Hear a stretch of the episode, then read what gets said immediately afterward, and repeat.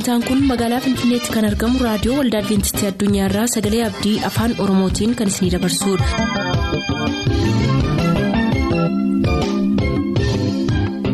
jaalala gammachuu eebba waaqayyoo kan isiniif hawwinu kabajamtoota dhaggeeffattoota keenyaa attam jirtu sagantaa isin eebbisuu jennee hundaa qabannee dhiyaanneerra amma xumuraatti nu waliin tura sagantaa ilaa filaameedhaan sagantaa keenya jalqabna.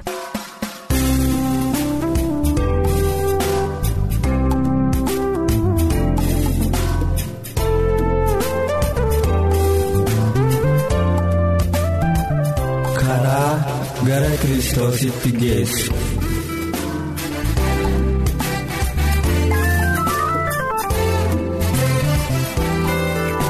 karaa gara kiristoositti geessu.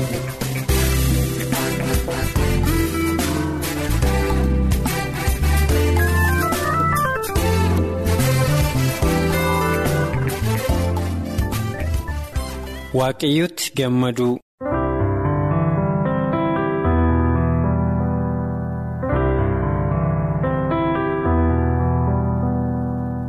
meesa baay'ee guddaa utuboota warra yaadachiisoo waan waaqayyoon raawwate akka nu jajjabeessuu fi nu fayyisuuf harka isaa nama balleessu keessaa sammuu keenya keessatti haaressinuu araara gara laafummaa waaqayyoo nutti agarsiise haa hubannu. Imimmaan inni qoorse waraansa inni qabbaneesse yaaddoo inni balleesse sodaa inni calaase hir'ina fedha garaa keenyaa kan inni itti nu guute eebba inni nu irratti dhangalaase. Kanaafis adeemsa gara biyya isa qulqulluu fuula keenya dura jiruuf waan hundaan of haa jajjabeessinu. Wallaansoo dhufaa jiran keessatti burjaaja'ina haaraa dhufan arguu hin dandeenyu. Garuu isa darbeef isa dhufuuf jedhu ilaallee akkana jechuu dandeenya ta'a. Hamma yoonaatti waaqayyo nu gargaareera. Akka guyyaa kee akkanuma humni kee haa ta'u keessa deebii boqonnaa 33 lakkoofsa 25.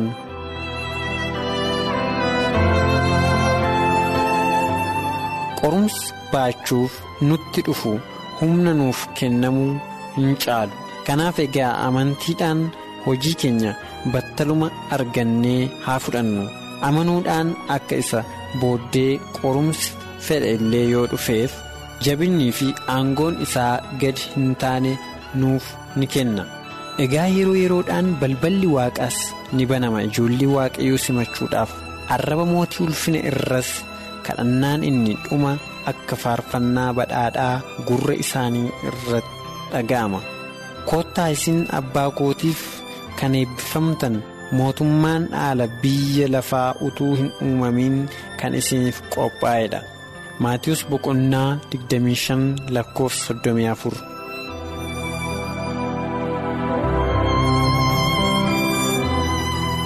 yeroo sana booddee warri cubbuutti fayyan mana isa yesus isaaniif qopheessetti ni fudhatamu achi keessatti firoonni isaanii warra bu'aa hin qabne biyya lafaa miti warra soban ejjan xuraa'anii fi amantii dhaboota miti garuu warri isaanii wajjiniin walga'an warra ayyaana waaqayyootiin seexana mo'anii fi amala mudaa hin qabne qaban duwwaadha.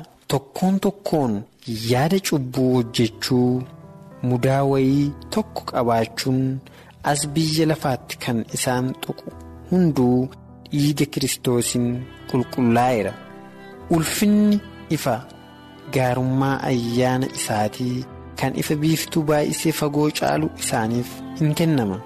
Miidhagummaan jireenya qulqullaa'aa guutummaan amala waaqayyoo isaan keessaan ifa. bakkee isaaniitiin waan agarsiisan guddisee kan caalu balleessaa tokko malees ni jiraatu.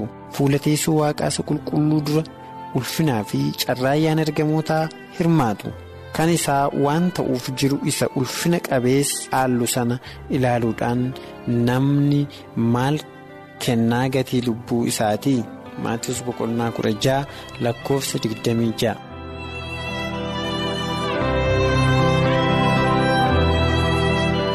inni hiyyeessa homaa hin qabne ta'uu ni danda'a. Kanuma keessaa immoo badhaadhummaa fi ulfina biyya lafaa tokko illee kennuu hin dandeenye qaba.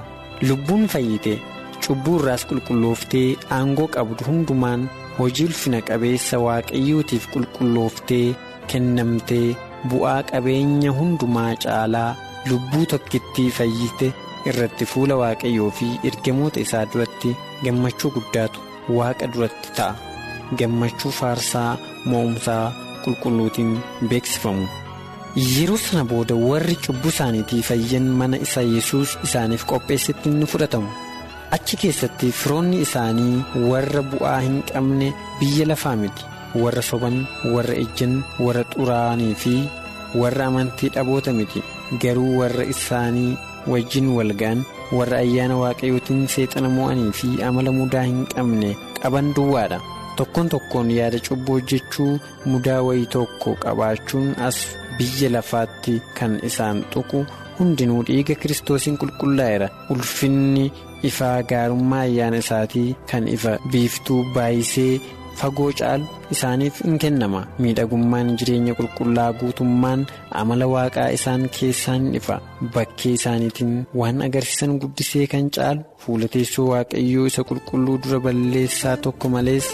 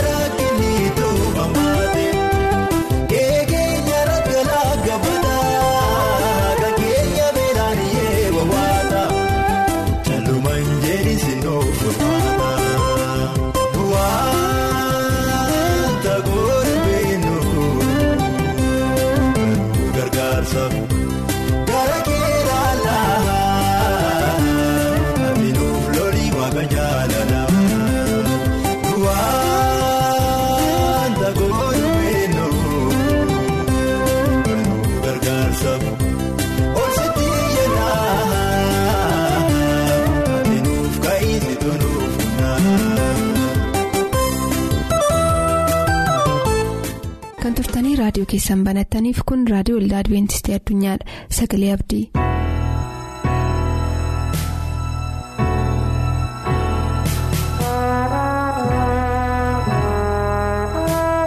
gooftaatti kan jaallatamtan dhaggeeffattoota akkam jirtu waaqayyoon guddifnee gaarii gooneen galateeffannaa jireenya keenya keessatti waaqayyo waan guddaa nuuf godhee yeroo kana immoo carraa jiraachuu nuuf kennee sagalee isaa akka dhaggeeffannuu isatti akka barannuu fi ayyaana guddisee waan nuu kenneef maqaa isaa gaarii gooneen galateeffanna yeroo kana utuu gara sagantaa keenyaatti hin darbin kadhannaa gabaabaa isaa godhan.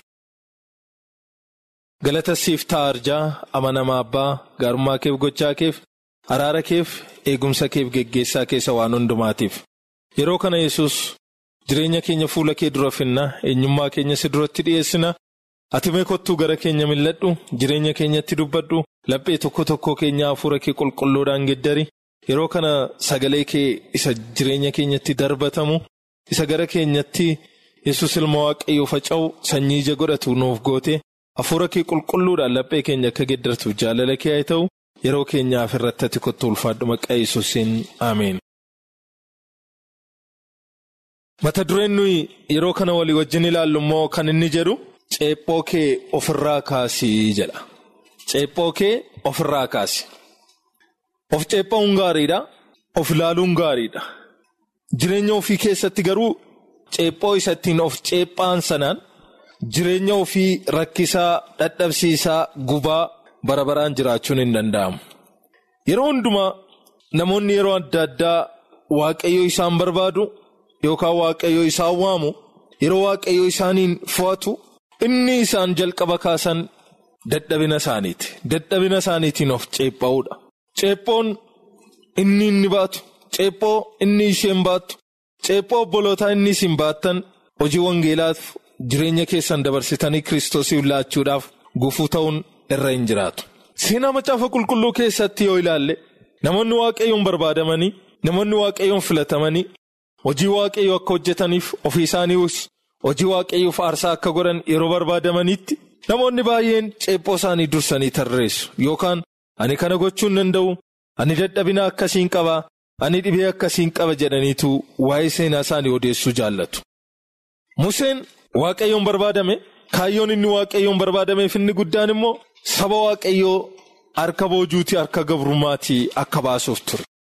Cunqursaan ijoollee waaqayyoo irratti geggeeffamu sun olaanaadhaaf cimaa waan tureef ijoolleen Israa'el biyya boojuu biyya Gibxi keessatti yeroo rakkatan sana yeroo hundumaa gochi isaan irratti raawwatamaa ture kan waaqayyoon garaa nyaatu ture. Isa kanaaf fala kennuu kan danda'u garuu eenyu ture Musee ture. Waaqayyo yeroo Musee barbaadetti Museen gara ijoollee Israa'eliin akka baasuuf yeroo abboomame yookaan ajajametti keessa isaa inni ture wanti biraa caalaa dadhabina isaatu dursee isatti mul'ate. Ani kana gochuu hin danda'u. Ani raawwachuu hin danda'u. Seera ba'uu keessa dhaxxanii yoo ilaaltani seera ba'uu boqonnaa sadii keessaa dhaxxanii gara jalqabaa yoo ilaaltani jireenya isaa keessatti yeroo inni waaqayyootti dadhabbii isaa odeessitu argitu.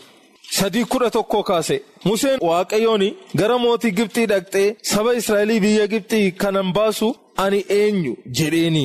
Ani eenyuudha. Ani nama arrabi koo hin dubbanne nama giingeedha. Nama homaa gochuu hin dandeenyeedha. Mootii hammana ga'u mootii guddaa. Mootii jabaa addunyaa irratti beekamaa kana dura dhaabate kanan dhaabaddu. Ani eenyuudha jedhe gaaffii gaafate. Waaqayyo ani sin barbaada. Ati dhaqii dhaabadhu. Giingummaa isaatti itti dhaga'ame. Dadhabina isaatti itti dhaga'ame. Arraba isaan cimsee dubbachuu akka hin dandeenyetti dhaga'ame. Mootummaa namichaatu itti dhaga'ame. Jireenya isaa isa sanaa wajjin wal bira qabee yeroo ilaalu. Jireenya isaa ceepha'uu jalqabe. Gochuu akka hin dandeenyetti of yaade. Waaqayyo akka isa barbaade hubanne. Waaqayyo akka isa waame hubanne. Waaqayyo akka isa jireenya isaatiin yookaan immoo jireenya isaa sanaan hojjechuu akka inni barbaade raawwatee of irratti arguu hin dandeenye ture. Inni kun jireenya isaa kan qoru ture. Inni kun jireenya isaa keessatti kan isa qoraa ture yoo ta'e iyyuu hojii waaqayyootiif immoo akka gufannaa tokkotti kaa'e. Yeroo hundumaa tarii jireenya isaa keessatti itti yaadda'uu danda'a Museen. Dubbachuu dhiisuu danda'a. Yeroo baay'ee immoo oolaa tiksa yookaan tiksituudha. Tiksituu waan ta'eef namatti adda bahee oola. Horiin yookaan oolaan isatti hin dubbattu yookaan namni biraa isatti hin dubbattu. Yeroo lafa gogaa keessa oolu oolotaa wajjin waan ooluufi tika caalaa nama wajjin walitti inni dhufeenyi inni qabu xinnoo ta'uu danda'a ta'a. Garuu hojii waaqayyo isaan hojjetu immoo olaanaaf guddaa akka ta'e humni waaqayyoo guddaadhaaf. Jabaa akka ta'e hubachuun haala salphaa hin turre museedhaaf. Inni biraa macaafa qulqulluu keessatti hidhannee yoo ilaalle yoonaasiin waaqayyo barbaadee ture gara mandaraa naannawwee akka deemu saba naannawween cubbuun isaan hojjetan yakki isaan fuula waaqayyo duratti hojjetan olaanaa akka ta'e inni kunis immoo ija waaqayyo duratti akka mul'ate waaqayyo akka isaan dheekkamuuf yookaan akka isaan adabuu barbaadu akka isaan barsiisuu barbaadu cubbuu isaaniitti kan qalbiin jijjiirranne yoo ta'e. Adabbiin akka isaanitti dhufuuf Yoonaas dhaqee akka itti dubbatuuf waaqayyo isa barbaadee ture. Yoonaas garuu itti ulfaate sabni sun boqa jaboota sagalee waaqayyoof hin abboomaman tarii baroota baay'ee sagalee waaqayyoo itti dubbatameera ta'a warra naannawwee tarii yeroo baay'eedhaaf namoonni baay'een itti geggeeddaramaniiru ta'a macaafi qulqulluun ifatti yoo kaa'u baateeyyu. Jireenya isaa keessatti garuu dafee kan Yoonaasitti dhufe maa inni sabni naannawwee dubbii kanaaf mata jaboota. Hin dhaga'ani isaan dafanii hin abboomaman jiraachuu isaanii keessatti takka waaqayyoof abboomamuun barbaadanii akka barbaadanitti jiraachuu yaadu. Kanaaf ani eenyuudha nama kanatti dubbadhee amansiisuu kan hin dandeenye cubbuu nama kanaatti himuu kan hin dandeenye jedhe. Kanaaf karaa waaqayyo isa barbaadu dhiise waaqayyo duraa baqachuudhaaf gara magaalaa tarsasetti adeemuudhaaf ka'e waaqayyo garuu biraan hafne. Isaan hojii isaa hojjechuu waan barbaaduuf. Isaan raawwachuu waan barbaaduuf. Bidiruun inni yaabee deeme yookaan dooniin inni yaabee deeme dhahaa galaanaatiin raafamuu jalqabe roqomuu jalqabe namni achi keessa jiru naasuu keessa galuu jalqabani.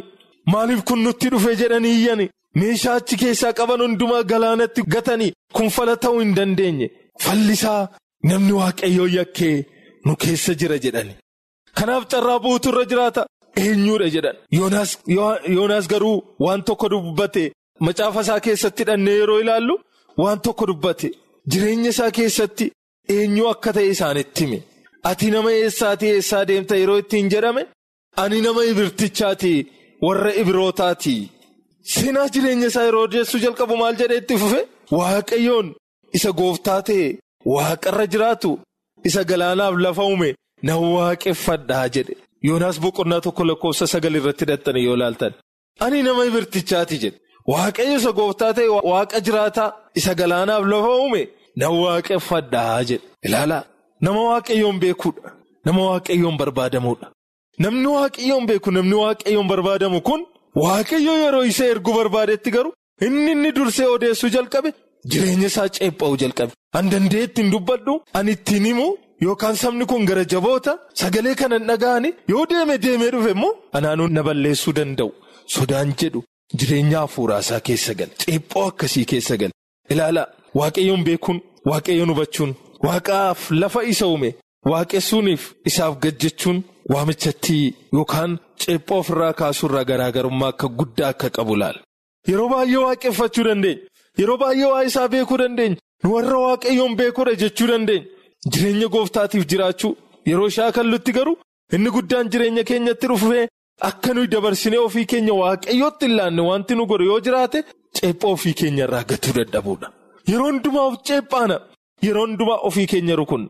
Darbineema yoo ilaalle Isaayyaasiinis waaqayyo waame ture. Isaayyaasiin waaqayyo yeroo isa barbaade gara waaqayyoo yookaan ergaa waaqayyoo yookaan raajummaa waaqayyoo isa ulfaataadhaaf isa amanamaa isa egeree ijoollee waaqayyoo murteessu. Isa seenaa jireenya keenyaa murteessu sabatti akka himuuf waaqayyo yeroo isa barbaade jireenya isaa keessatti arraba xuraa'aa akka qabu saba xuraa'aa wajjin akka deddeebi'u jireenyi isaa ulfina isaaf akka hin taane of ceepha'uu jalqabe. Ani arrabni koo xuraadha hojii keef nama ta'u mini raajii dubbachuuf nama ta'u mini sababiinsa nama arrabni isaa xuraa'e keessa noolaa jedhe obbolootaa firoottanii ollaan keenya. Biyyi lafaa nuyi keessa jiraan jireenyi nuyi jikkee jiraan qilleensi nuyi fudhan wanti nuyi dhugnu wanti nuyi nyaannu amanamaa mini wangeelaaf garuu gufuu ta'uun irra hin jiraatu. Ceephoo keenya ofirraa buusuu danda'uun nurra jiraata sagalee waaqayyootiif gurra keenya deebisuun nurra jiraata raajii isaayyaas boqonnaa ja'a lakkoofsa shanii amma saddeetiitti hidhattanii yoo ilaaltani waaqayyoo yeroo inni isatti mul'ate yeroo inni of ceepha'u yeroo inni eenyummaa isaa sana waakkatu waaqayyoo gara jireenya isaatii mil'ate lakkoofsa shanii kaafne yoo ilaalle akkas jedha. Yommus ani wayyoo ka'a ani nama arrabni isaa xuraa'e nama arrabni isaa xuraa'e gidduus kanan jiraadhu waanan ta'eef iji koos waaqayyoon mootii maccaa waan argeef nan bade jedhee nan iyyee jedha waaqayyoon arge iji koo jedhe ani arraba koo xuraa'aa ta'uusaa ani saba arrabni isaa xuraa'e gidduu deddeebi'urra koo yeroon argee iyyattii jedha lakkoofsa ja'a kanarratti kaafne yoo ilaalle kanarratti suraafelle warra achi dhaabbatan keessaa tokko. Barbadaa ibiddaa isa qabduudhaan iddoo aarsaatii fuudhee harkatti qabatee gara kootti simbalale barbadichas afaan kootti buusee kunoo kun afaan keeti waan bu'eefi yakki kees sirraa fuudhameera cubbuun kees siif dhiifameera. Naan jedhee jedhan. Yakki kees sirraa fuudhameera cubbuun kees siif dhiifameera. Barbadaa ibiddaatiin dhufee arraba koo tuqee jedhe. Arraba koo yeroo barbadaa ibiddaatiin tuqu yakki koos narraa ka'e cubbuun koos narraa hafee kanaa booda lakkoofsa saddeet irratti hidhattanii yoo ilaaltanii cubbuun dhiifamuu isaa duwwaa utuu hin ta'in ergaa barbaachisaa tokko dubbate. Yommuu sagalee waaqayyoo isa eenyuunin erga? Eenyutis ergaa naaf dhaqu jedhuun nan dhaga'e. Achumaanis ani immoo kunoo ani jira ana ergi nan jedheeni firottanii. Ceephoon keenya wangeelaaf gufuudha. Dadhabinni keenya wangeelaaf gufuudha.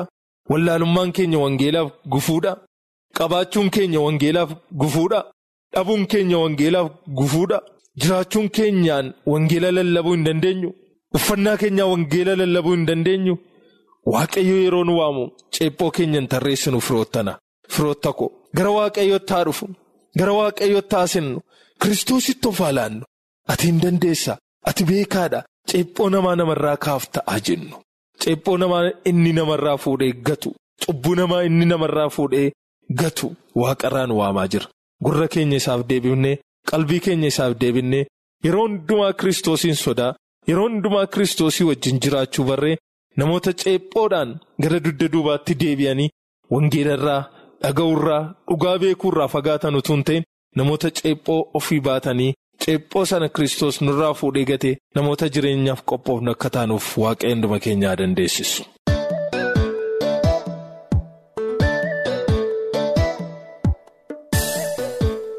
sagantaa macaafni qulqulluu maal jedhaa qabannee dhiyaan kanarraaf jennee asumaan xumur yaada sagantaa keenya irratti qabdan raadiyoo olda adventistii addunyaa lakkoofsaanduqa poostaa 455 finfinnee jedhaanuf barreessa raadiyoo olda adventistii addunyaa lakkoofsaanduqa poostaa 455 finfinnee.